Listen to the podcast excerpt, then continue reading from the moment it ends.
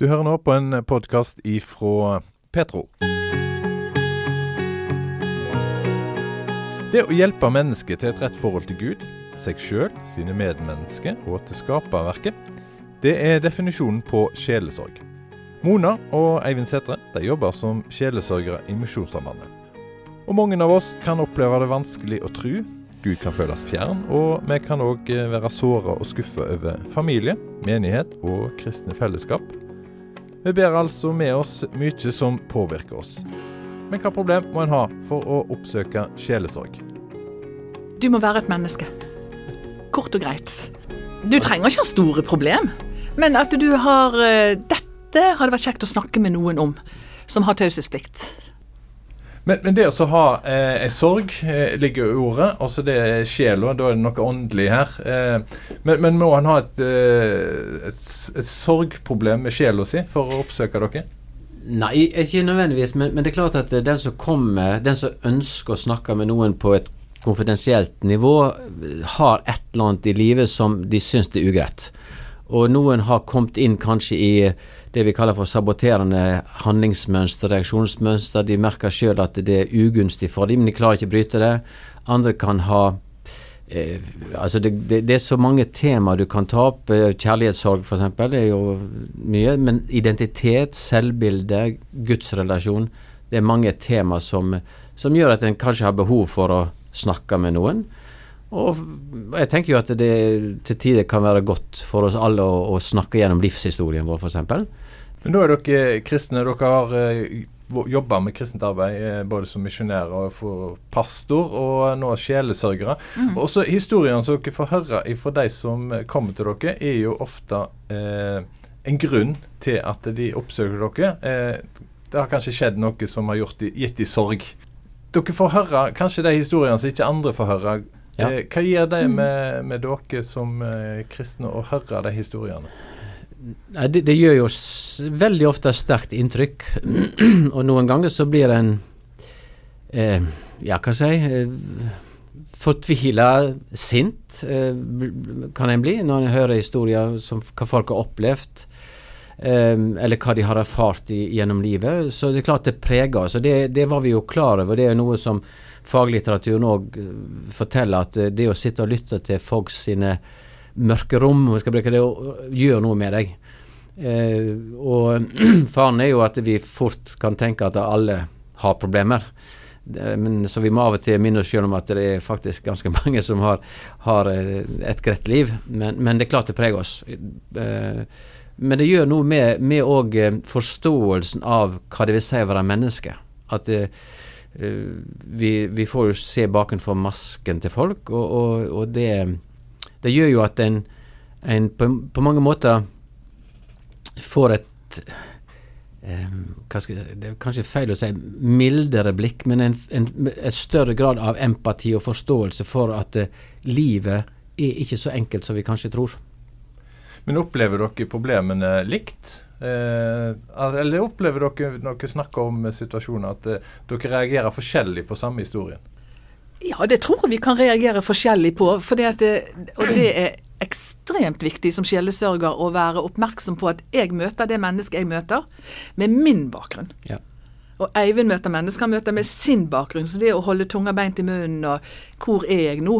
Mm. Um, og det er noe vi kaller um, pianoeffekten, bare nevne bitte litt det begrepet, at når jeg blir fortalt noe, og hvis det gir gjenklang på noe som er utfordrende i mitt eget liv, så gjør det noe med denne samtalen. Så det med å, å ha gått igjennom mesteparten av ja, Vi har nå begge gått igjennom vår livshistorie og troshistorie og snakket om det, da. Og Jeg pleier å si bare sånn for spøk at Eivind begynte å få kontakt med følelsene sine når han ble 60. Nå er han 66.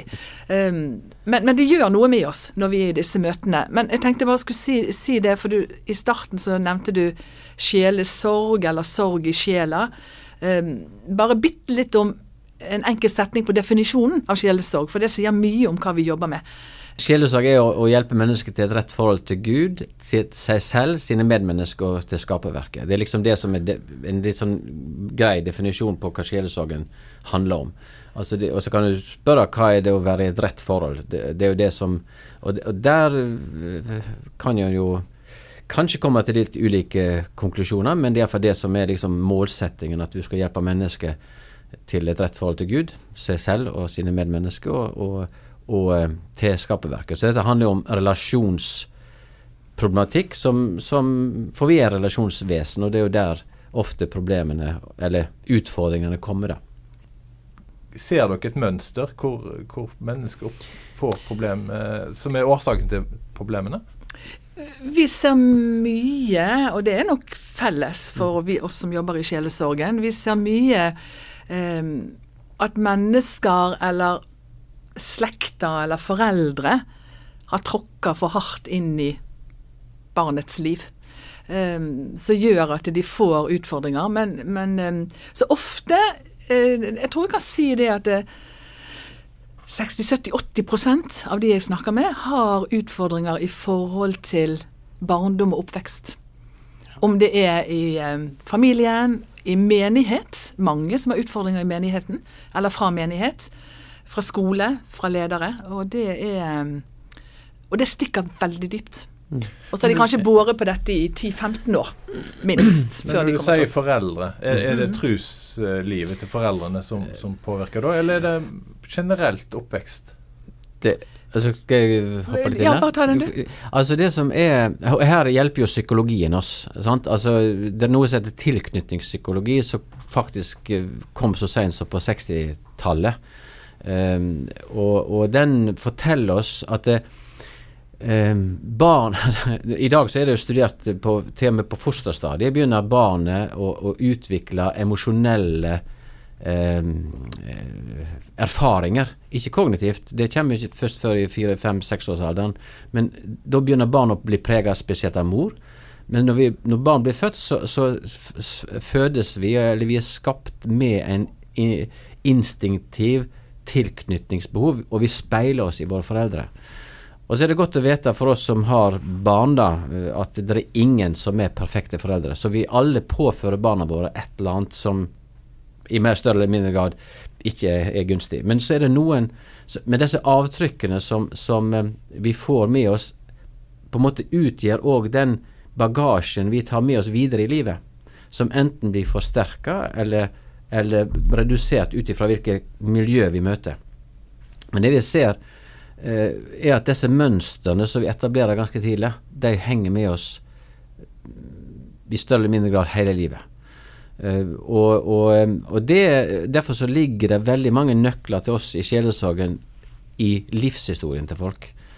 Når de da kommer med sine problemer og erfaringer, så kan en finne mye på en måte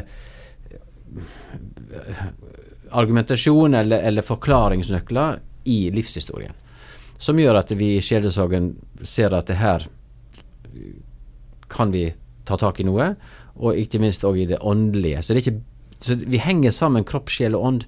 Så det åndelige kan ikke på en måte skilles ut som en egen del. Vi, vi er nødt til å ta tak i òg det sjelelige i, i sjelesorgen. Mm. Men hva skiller for at jeg skulle ha oppsøkt psykolog istedenfor å gå til sjelesorg, hvis jeg har eh, ting fra barndommen som jeg burde ha snakket om? Altså Som kristen er det mange som kommer til sjelesørger mm. før de går til psykolog. Mm. Og vi har faktisk òg ganske mange som har gått til psykolog, men får det ikke helt til å henge sammen fordi det åndelige blir ikke tatt med. Mm. Altså hvor er Gud i dette bildet? Så, så Jeg har jo sjelesorgutdannelsen, um, og det er mye psykologi. Altså Det er jo de samme tematikkene og det samme, samme behand, Ikke behandling, for vi driver jo ikke med nei, behandling, nei. men samme måte å møte mennesker på. Um, og det så, så, hvor skillet går, er kjempevanskelig å si. Men, men den med at uh, forskjellen i hvert fall at sjelesorgen tar Gud med. Og jeg etterspør Gud i nesten alle samtaler jeg har. Mm. Men det gjør jo ikke psykologien. Som, Nei da, det er jo det som du sier. Det, men så er jo det en lang fagutdannelse, da. Ja da. Sant? så det er jo det som er viktig for sjelesorg, som sjelesorger, å, å skille mellom hva er det vi kan møte, og hva er det vi ikke skal møte. Altså hva er det vi skal ha andre fagpersoner inn i, i bildet. Der, der, har jo flere konfidenter som, som, både går til psykolog, men også går til sjelesorg. Uh, og jeg opplever det som en som de aller fleste, som en fruktbar måte. Når, når, altså, når utfordringene er, er på, på, det nivået at vi, kan ikke, vi, er ikke, vi er ikke terapeuter, vi er ikke behandlere. Eh, og det må vi ha respekt for, for ellers kan vi rote til mer enn en eh, det vi klarer å reparere, for å si det sånn. da. Ja, for det er jo òg en viktig ting her. Eh, det er jo mennesket dere eh, skal hjelpe her. Mm. Hvor, hvor, eh, hvor redd eller hvor trygg er dere på at det dere gjør, eh, er til hjelp?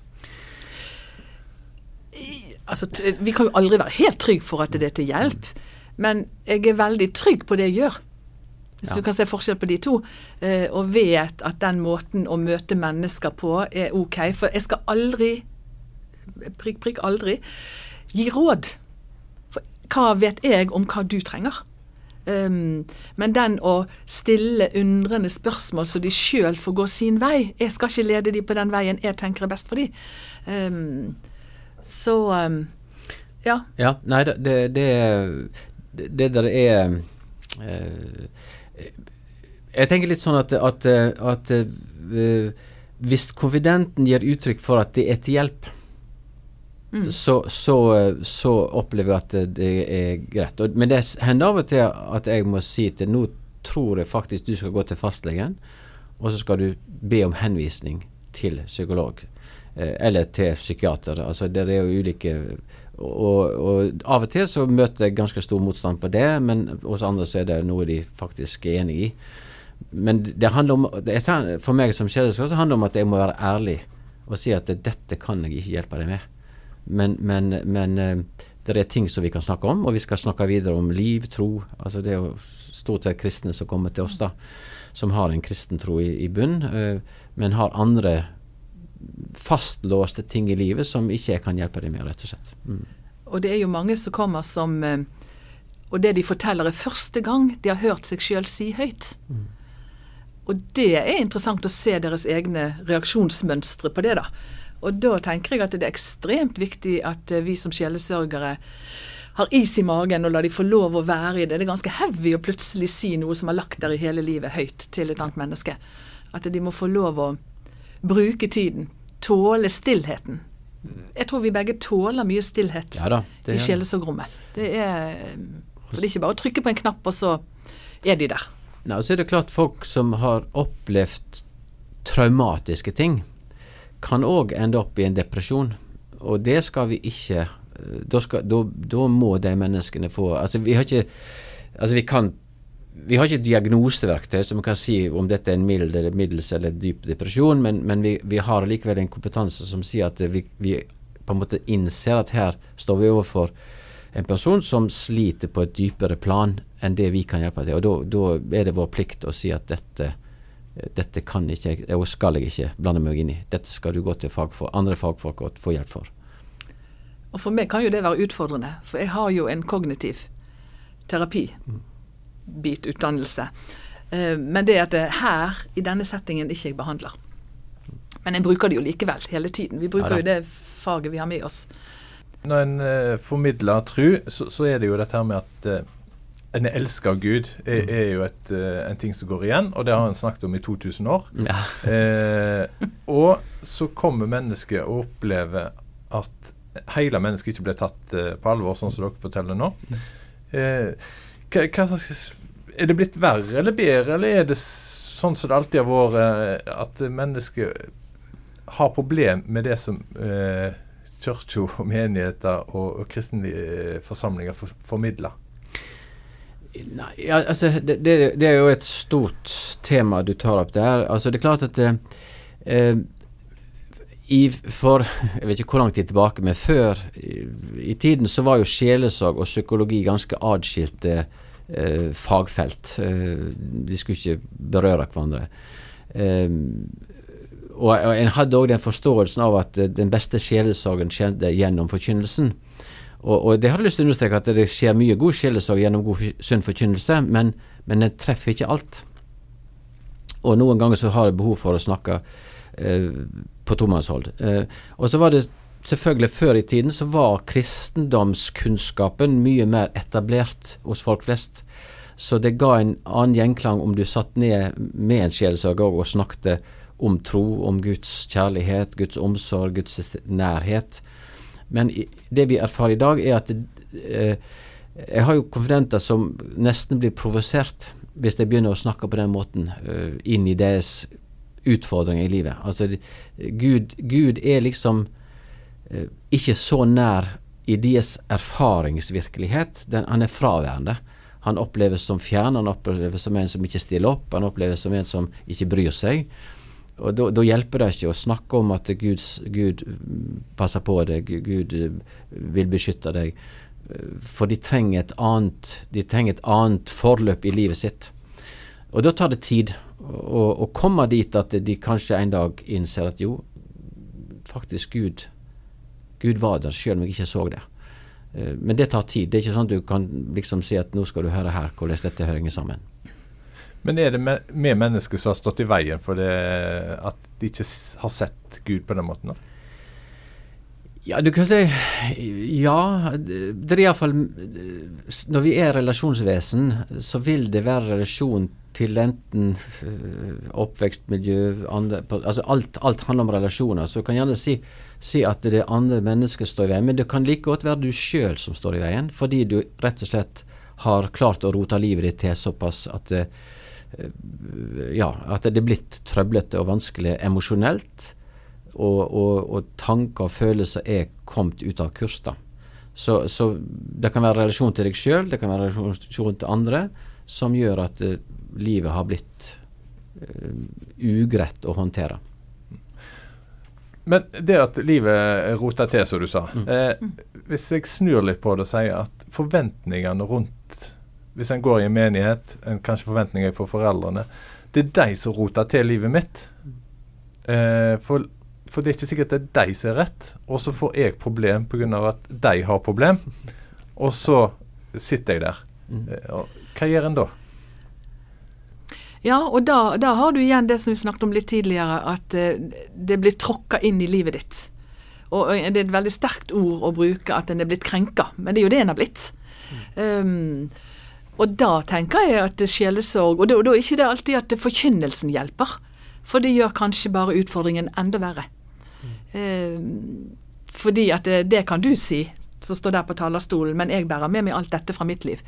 Eh, så det med å da kunne snakke med noen og få rydda opp og sjøl bli klar over hva er det faktisk jeg bærer med meg. For jeg tror fryktelig mange av oss eh, vet ikke helt hva vi bærer med oss før vi begynner så vidt å åpne opp, eventuelt for en mm. sjelesørger eller venn eller hvem det skal være. Um, og det med å stå i veien for at Gud får gripe inn Jeg tror ofte at um, både prester og talere, forkynnere, kan stå i veien for Guds ord. For det eh, Jeg er litt sånn retreat-tenkning. uh, jeg brenner jo egentlig for at vi skal bruke Bibelen mer enn at vi skal legge Vi bruker så fryktelig mye ord fra en talerstol. Og de ordene kan slå veldig feil ut hos de som sitter der. Um, og da blir det nesten som vi hadde vært misjonærer. Nesten som det ble sagt før i tiden at um, Altså, jeg hører ikke Jeg er sult, magen min skriker etter mat. Så jeg kan ikke høre på det du sier nå. Og, og, vi sitter gjerne i en menighet med et liv vi strever med, så jeg klarer ikke ta imot det som blir forkynt. Det er ikke, det ikke grobunn for det. Så det med å legge til rette for en annen grobunn i forkynnelsen, eh, eller i møtesammenheng, i hva vi snakker om i fellesskapene våre. Det um, hadde vært fint. Ja. Og så er det jo, hvis jeg kan legge til litt altså eh, vi, snak, vi, snakker om denne Det er noe som heter generasjonstraumer. Eh, og, og, du Mona, ja. har jo nevnt tidligere dette med at eh, altså, du, du, du, Ikke nå her i denne sammenheng, men dette med at mine besteforeldre hadde utfordring. De ga det til sine barn, og de visste ikke hva de skulle gjøre med det, så de ga det til meg. Altså, så, og det dokumenterer igjen Altså Bibelen snakker om det. altså Tre til fire slektsledd. Eh, Guds eh, jeg har tenkt, Tidligere tenkte jeg at det var jo ille hvis min besteforeldre sine synder skulle ramme meg. Men, men eh, psykologien understreker at det er noe som heter generasjonstraumer, som går i tre til fire slektsledd. Og, og, og, det kan godt være at, at en sitter med sånne erfaringer. Og det er jo igjen et stort tema, da. Ehm, så, så ehm, bare som en sånn innspill på det du eh, nevnte i, stad. Jo, men òg det i forhold til generasjoner, i forhold til oppvekst, så er det jo òg noe med at eh, en del foreldre lever fryktelig annerledes i heimen og det de gir til sine barn der, Ja og i menighet. Der er det perfekt. Der er du i eldsteråd, der leder du, der taler du. Og så opplever du som barn at når mamma eller pappa kommer hjem, dette er veldig sånn generelt sagt, så er de helt andre mennesker. Og det skaper forvirring i et barnesinn og utrygghet. For hvordan skal jeg forholde meg til mamma eller pappa som sa det på bedehuset, og så kommer vi hjem, og så er det noe helt annet som råder. Eh, det har jeg møtt ganske mange ganger, og det er utrolig sårt. Men hvis dette er så, så viktig som dere forteller det nå, Ja. så er det jo litt merkelig at dere er så få egentlig som har det yrket dere har. eh, for da trenger jo kanskje enda flere muligheten Like mye som med forkynnelse, så trenger en det å få fortelle hvordan en opplever forkynnelsen og gudstrua si Mm. og gudslivet. Ja. Det, det er jo ganske interessant akkurat det, for det, det har jo altså, Det er to ting å si om det. For det første så er behovet for nettopp å ha eh, noen Altså en medvandring, eh, kall det gjerne sjelesorg. Eh, behovet der er jo, vil jeg si, sterkt økende. På den andre siden så er òg antall personer som tar utdannelse i sjelesorg Vi ser jo dette, og det, det er jo blitt òg jeg vil nesten si en eksplosjon av folk som, som, som har det. Nå, ikke, nå vil jeg si at Misjonssambandet har jo satsa tungt med at vi er tre fulltidsansatte, og akkurat nå så er vi fem, da. Eh, eller nesten fem. Eh, vi, vi går jo inn i pensjonsalder neste år, men, men det vil jo si det er jo ganske unikt eh, i, i norsk kristenliv at det, en organisasjon satser tre fulle stillinger. Men det, det som du sier, at behovet eh, er stort, og, og jeg tror ikke det blir mindre framover. Fordi at vi, vi opplever det, det er jo litt annet, men vi opplever jo at usikkerhet og utrygghet på hvem er jeg, hva er riktig valg Altså, Det er veldig mye usikkerhet av de oppveksende generasjoner, da. Men er det en fallitterklæring at en trenger flere sjelesorgere eh, for pga. at behovet er så stort? Nei, jeg tenker ikke at det er en fallitterklæring. Men har en lykkes med, med kristent arbeid og forkynnelse? Nei, altså, jeg, jeg tenker at det, Ja, nå skal ikke, Du skal få lov til å svare, du òg, men eh, vi, Nei, Om en har lykkes med eh, forkynnelse, ja, det kan vi bare heller henge der som et spørsmål. Um, men jeg tror mennesket anno det året vi er i nå, um, har ganske mye mer med seg enn det. Altså, da blir det tilbake til det som Eivind sa tidligere, at før i tiden så hadde du Du hadde troen, du var kristen. Altså, du var jo det om du var var de på sjøen, disse gamle besteforeldrene våre. Sant? Så ba du om du var kristen eller ikke. Men, men masse av dette er vekke. Og, og samfunnet har åpna opp for at det er lov å ha problemer. Altså det, det, livet kan være kinkig. Um, og det var det egentlig. De aksepterte situasjonen som man var for 30 år siden når vi var i 30 år. Hjelpe seg, det hørtes ut som det var veldig lenge siden. Um, mer enn 30 år. men jeg tror til alle tider har mennesker hatt behov for å fortelle til noen hvem de er. Eh, og jeg vil òg si at det, i forhold til det om det er for få, om det er fallitterklæring eller det er for lite, det er utrolig mye god sjelesorg eller omsorg i å være sammen. Altså medmennesker, smågrupper. Hvis en tar det på alvor rundt kaffebordet, eh, så kan en hjelpe hverandre ganske mye. Så vi trenger ikke nødvendigvis gå til en sjelesørger her i Salem eller hvor det nå er, um, med alle utfordringene vi har, da. Det, men, men, men jeg tenker òg at det, dette handler jo et, Jeg tenker at vi lever i et samfunn der individualismen er blitt veldig framelska. Og ingen skal fortelle deg hva som er rett og galt. Ingen skal være rollemodeller for deg. Du skal sjøl finne din vei. Du skal få bestemme. Hvis det du kjenner rett, og det du tenker er riktig, det skal du få lov til å ha. Skal ingen fortelle deg at det er galt. Eh, og, og det skaper en enorm utrygghet. For, det, for det, det har slått meg Nå er vi er jo, som vi allerede har sagt, vi er inne snart i pensjonsalderen. Men det har slått meg hvor utrolig usikre unge mennesker er i dag på valg. Og jeg har flere konfidenter som, som sitter og lurer på om de kan være sikre på at de valgene de har gjort, er riktig. Det gjelder eh, kjæreste, ektefelle, utdannelse, Og spesielt når det gjelder sånne relasjoner til Altså livslange relasjoner. Hvordan kan jeg være sikker på at eh, jeg, vi kommer til å henge sammen resten av livet? Hvordan kan jeg være sikker på at ikke det er noen som er bedre for meg? Og jeg sier ja, hvis du skal gå med det spørsmålet, og la det spørsmålet lande i hodet ditt, og leve i det, så kommer du aldri i mål. Selvfølgelig kan det være noen som passer deg bedre. Men denne, altså, her er på mange plan usikkerhet. Og, og de, de, har, og jeg tror det ligger litt av behovet for å få noen som de kan snakke med, lufte tanker med, er blitt mer dominant enn før i tiden, når vi var unge. For da var rollemønstrene veldig tydelige og så kan vi kritisere det. Men jeg ser rett og slett ikke at vi er kommet et bedre sted i dag enn vi var før. Men sånn som jeg hører dere fortelle nå, så virker det som det er følelser det er snakk om her. Altså, vi har, vi har fått kontakt med følelsene våre. Ja. Eh, men hvis en går tilbake i tid og, og, snakker om forkynnelse, så var jo ikke følelse noe som en eh, skulle ja. Forholde seg til. Det var egentlig en fy-fy-ting, det. Ja, det. Skal ikke stole på følelsene, ble det sagt. Ja. ja. Mm. Eh, er det endra seg eh, med det? Altså ser en følelser eh, og gudsliv mer eh, annerledes nå enn før? Jeg tror, jeg tror, vi må ha en nyanser Det er jo det som kanskje Det har vært litt sånn kategorisk at du, du må ikke stole på følelsene. Så har en tenkt at nå skjønner jeg folk hva vi snakker om. Men det, det gjør det ikke i, i dag, iallfall. Uh, og jeg tenker at eh, ja, når det gjelder min frelse, og hva som, hva som, gjør at jeg er frelst, så er det klart jeg kan ikke stole på mine følelser. For en dag så er jeg nedfor, og jeg syns alt er kjipt, og da kan jo troen være sånn som sånn. Så trosdimensjonen, og hva, om jeg er frelst eller ikke, det kan jeg ikke stole på mine følelser. Men følelsene mine er viktige indikatorer på hvordan jeg har det. Men så er det det å si om følelsene våre, de snakker ikke alltid i en objektiv sannhet. De forteller meg en subjektiv sannhet som jeg, jeg opplever her og nå.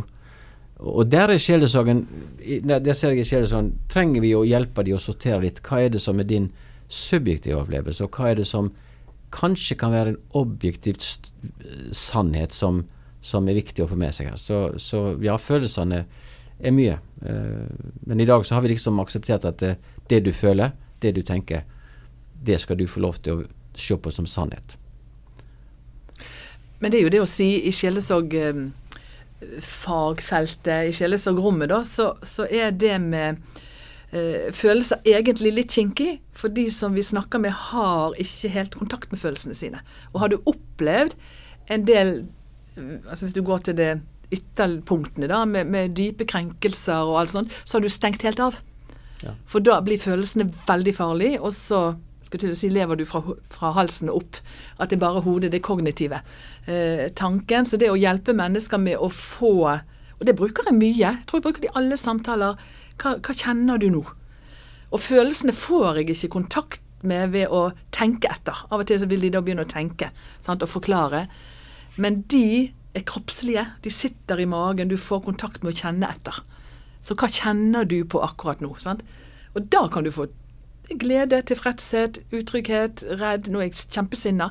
Um, så, så, jeg tror at følelsene er viktige, men jeg tror òg følelsene våre er viktige inn imot det åndelige. Jeg brukte et uh, år av mitt liv til å lese om følelser i Bibelen. Ufattelig mye følelser fra Gud skapte, og han så det var godt. Han hadde en tilfredshet i det han hadde skapt. Skaperverket og mennesket. Og så er han gjennom alt til Jesus eh, i angst i Getsemane. Det er utrolig mye følelser. Og når Bibelen snakker så mye om følelser, så tenker jeg at wow, da må jo vi våge å snakke om det. Mm. Og da tror jeg òg mennesker kommer mer til rette med hvem de er, og hvordan de har det. Ja. Men i forkynnelse, så både skriftlig og muntlig, eh, så, så, er det jo at du kan komme til Jesus med alt. Mm. Eh, nå har vi jo eh, utbygd helsevesen her i Norge, eh, så, så, hvis du har Skal vi gå noen hundre år tilbake i tid, så, så hadde en bruk for Gud hvis en uh, fikk uh, infeksjon. Mm. Nå har vi jo mm. dette her viruset vårt ja. som herjer. eller hvis du brakk foten, så, så mm. hadde du bruk for Gud der. Nå tar vi første telefon og får hjelp fra helsevesenet. Mm. Har du tannverk, så går du til tannlegen. Du går ikke til, til, til presten. Så kommer vi på dette med følelseslivet vårt. Mm. Eh, og hvis en da oppsøker kristent eh, forkynnelse eller litteratur, så, så, er det at du må be mer, du må eh, søke Jesus, og du må, du må. Eh, hva gjør det med mennesket når en skal hele tida Altså, du, du, må gi litt til, litt til Mm, mm, eh, for at du skal få det godt. Du, du må be litt mer, du må lese litt mer i Bibelen, og så må du, så må du, så må du. Ja, ja. Og så, sånn som du fortalte i stad, så, så sitter vi kanskje igjen med at eh, en får ikke de svarene en vil for Gud, og så føles han langt vekke. Mm, mm. Mm. Ja, altså eh, Det er jo ille, og jeg vet jo at det, i noen sammenhenger så er jo det meste eh, problemløsning at du må overgi det mest. Du må, mer, du må be mer, du må, du må bekjenne mer av dine synder. Og, og det er jo eh, dessverre eh, noen, noen steder blitt, blitt en sånn løsningsmodell. Men jeg, jeg ser, altså, hvis du går inn i Skriften og ser hvordan Jesus møter mennesker, så, så møter han de primært først med, med det som er deres behov her og nå. Uh, og han helbreder jo syke, han, han, eh, så det er klart at den muligheten er der. men uh, og han lindra nød, han gikk rundt og gjorde vel. altså han eh, Så det er jo et aspekt med å møte på en måte det, og som Mona sa i sted, dette med som vi møtte ute i, på Indonesia, folk som ikke hadde nok mat, f.eks., så sa veldig tydelig at det, vi, vi, det er vanskelig å lytte til evangeliet når, maten skriker etter mat, når magen skriker etter mat. Altså det er noe, det er et menneskelig behov som kanskje jeg, jeg må få dekka først. Eh, så, så ja. Jeg vet ikke om jeg svarte på spørsmålet ennå, men, men, men eh, ja. Jeg vet ikke om du vil føye til noe? Nei, nå hadde jeg òg glemt spørsmålet ditt, Bjørn Steinar. Ja. Jeg Dere er jo vant til å høre på mennesker som forteller historiene sine. Nå må dere fortelle ting sjøl her nå. Det, er det uvant, det? Eh, Og måtte jobbe litt med tanken istedenfor bare å ta imot? Nei, Nei, altså, det, det, det må jeg få lov å svare på. Ja, vær så god. Nei, det er ikke uvant. Altså, Som sjelesørger så er det ekstremt viktig at en har sittet i den andre stolen. Fordi at da kjenner en på den sårbarheten. Um, og Nå kan ikke vi bruke så lang tid her som en da kan ha stillhet, men, men vi må ha òg veiledere. Det er vi plikta til i jobben vår. Dere må finne en veileder. Og det er kjempenyttig, for det er klart det at vi reagerer Altså Både kropp og sjel og tanke reagerer på alle disse store historiene vi får høre. Det gjør jo noe med oss. Um, men um, Nei, jeg syns ikke det er vanskelig å sitte her nå, men jeg snakker på en annen måte. Ja, men de, når dere har veiledning, har, Ja. har dere blitt overrasket over hvordan dere sjøl reagerer når dere får tilbakemelding på, på veiledning i, i samtaler? På hvordan dere reagerer sjøl? Nei, jeg har fått det én gang. Nå bare datt en sånn ned i hodet mitt. sant? Eh, og jeg er jo ikke redd for å så utlevere meg. Men, men det var i forhold til Jeg var så sliten, sant? og jeg er ekstremt pliktoppfyllende. Så da sier hun som jeg eh, samtaler med, hvordan er det med plikten i livet ditt? Sant? Reis deg opp og stå midt på gulvet. Det, dette høres veldig spesi ut. Og der måtte jeg stå, så sier hun det at hvis den veggen er ikke plikt, og den veggen er plikt, hva dras du imot? Og da var det jo mange ting i livet. Da var det familie, og det var jobben, og det var, det var mye. Og jeg gikk rett i veggen med plikt. Altså følelsesmessig så ramla jeg den veien. Så det med å eh, OK, og hva vil du gjøre med dette? Det er ditt valg. Jeg kan ikke lede deg fra A til B, men du må ta et valg på hva du vil gjøre. Så, så en blir konfrontert. Det, det er den på det personlige planet, og det er jo mest det en snakker om da, med veileder. Um, ikke så mye om konfidenter, men vi kan jo ta opp eventuelle utfordringer som vi møter da, så vi trenger litt råd, tematikker som vi trenger veiledning på. Um, men, men at det er nyttig for oss å òg være i en sånn sårbar setting og situasjon, jeg tror ikke vi blir gode sjelesørgere hvis ikke vi er det. Nei, du er nødt, du er nødt Nei, jeg tror ikke det. å jobbe med deg sjøl, og du må nødt til å gå gjennom livshistorien din og, og, og få, få sortert i ditt eget liv, da. Mm. De erfaringene dere har nå, eh, dere jobber jo i Misjonssambandet. Mm. Melder dere dette videre opp i systemet, sånn at organisasjonen lærer av de historiene dere får høre? Nei, altså vi, vi har ingen det, det er jo noe av det som er viktig å si, at vi har ingen rapporteringsplikt. Men det er klart, tematikker, eh, og det var jo Ja. Mona først på banen med det i forhold til Altså, hva møtte vi på UL, altså unglandsmøte?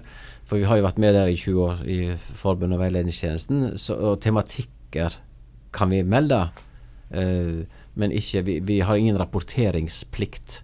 Og det skal ikke videre på noe som helst. Eh, Nei, men Hvis dere ser at eh, dette sliter unge med i dag, og dette mm. blir trigga i, i, mm -hmm. i organisasjonen sitt arbeid, mm -hmm. eh, eller andre eh, misjonsorganisasjoner eller kristent arbeid generelt, -hmm. eh, har dere da et sånt rapporteringsansvar og sier at vet du hva, her, må vi, her har vi en jobb å gjøre? Vi har et fora som vi, eh, som vi kan snakke, og vi har individuelle samtaler. Og jeg kjenner det er en åpenhet for at en kan ta opp alt. Um, dette er en tematikk som nå er oppe i dagen. Dette bør vi gjøre noe med. Kan vi ha et seminar på UL? Dette bør Og vi ønsker jo òg at, det, at det forkynnere. Så, mm. så, vi er jo blitt uh, hanka inn i samme gruppe som alle NLM sine forkynnere. Og der har vi hatt både litt undervisning og, og, samtaler. Så de vet hva som rører seg, så de kan oppdatere seg igjen. Og, og forhåpentligvis oppdatere seg faglig på, på det feltet. Um, så vi rapporterer jo Du sier vi, vi, rapporterer ikke, vi rapporterer ikke om noen individuelle samtaler, men vi rapporterer om tematikker. Og dette rører seg i fellesskapet vårt. Ser dere endringer ut ifra når dere ser tilbake på jobben dere har hatt? Har dere vært med å prege ting til det positive? det får andre, det vurdere.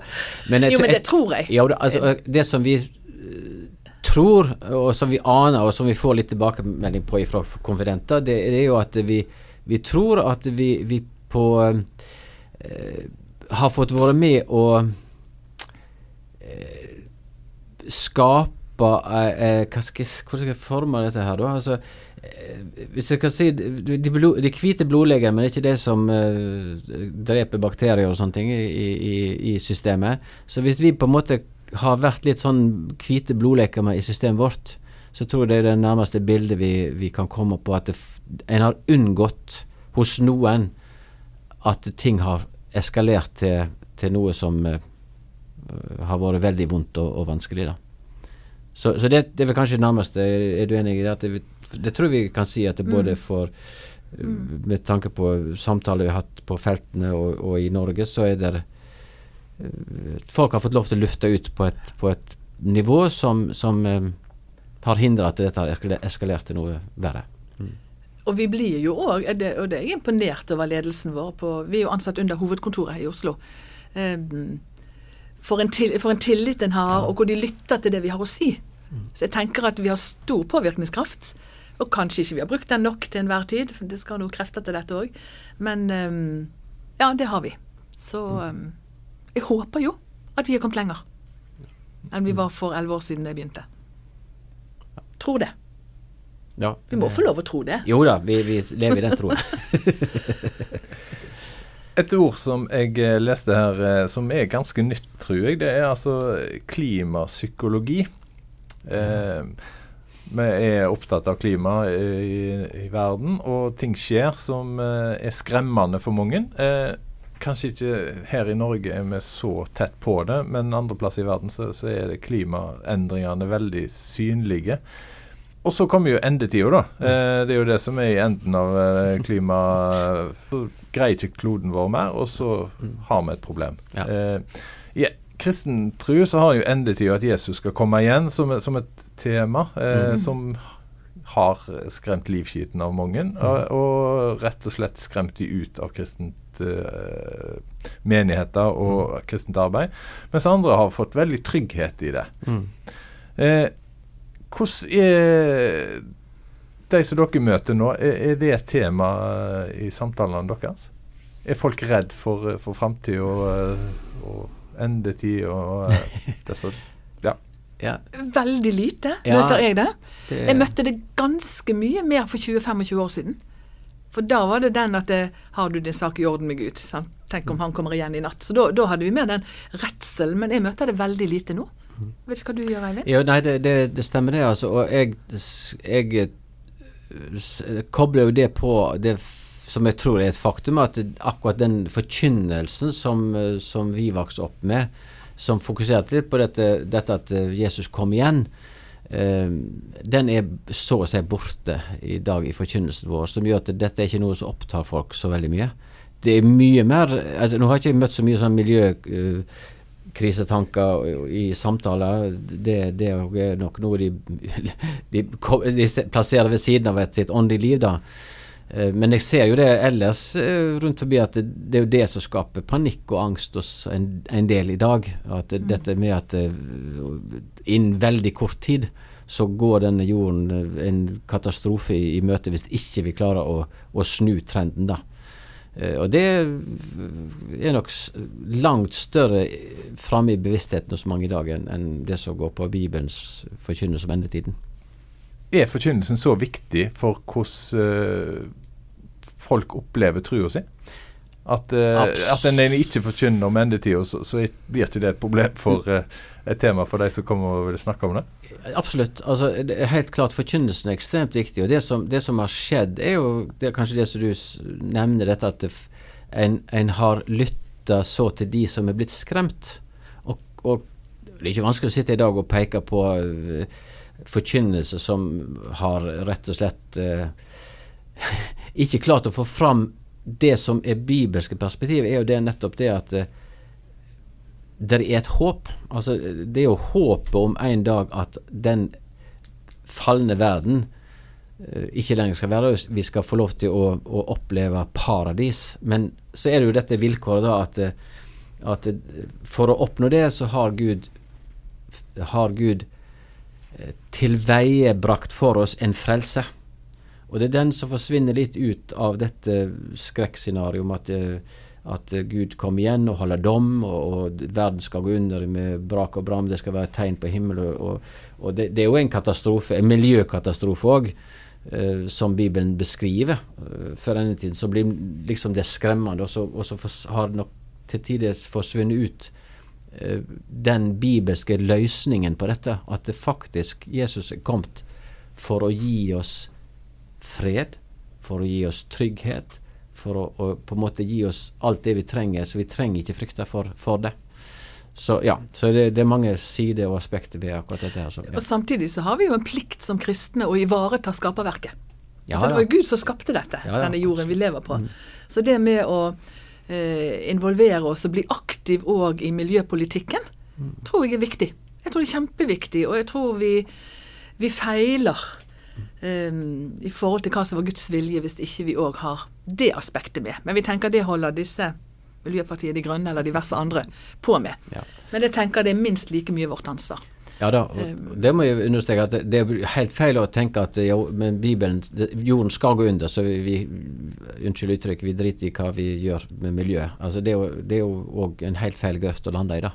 Så, så lenge vi lever, så skal vi og Det er jo liksom definisjonen på sjelesorg nå, at, det, at det skaperverket òg kommer med som en rett, en rett, relasjon til skaperverket.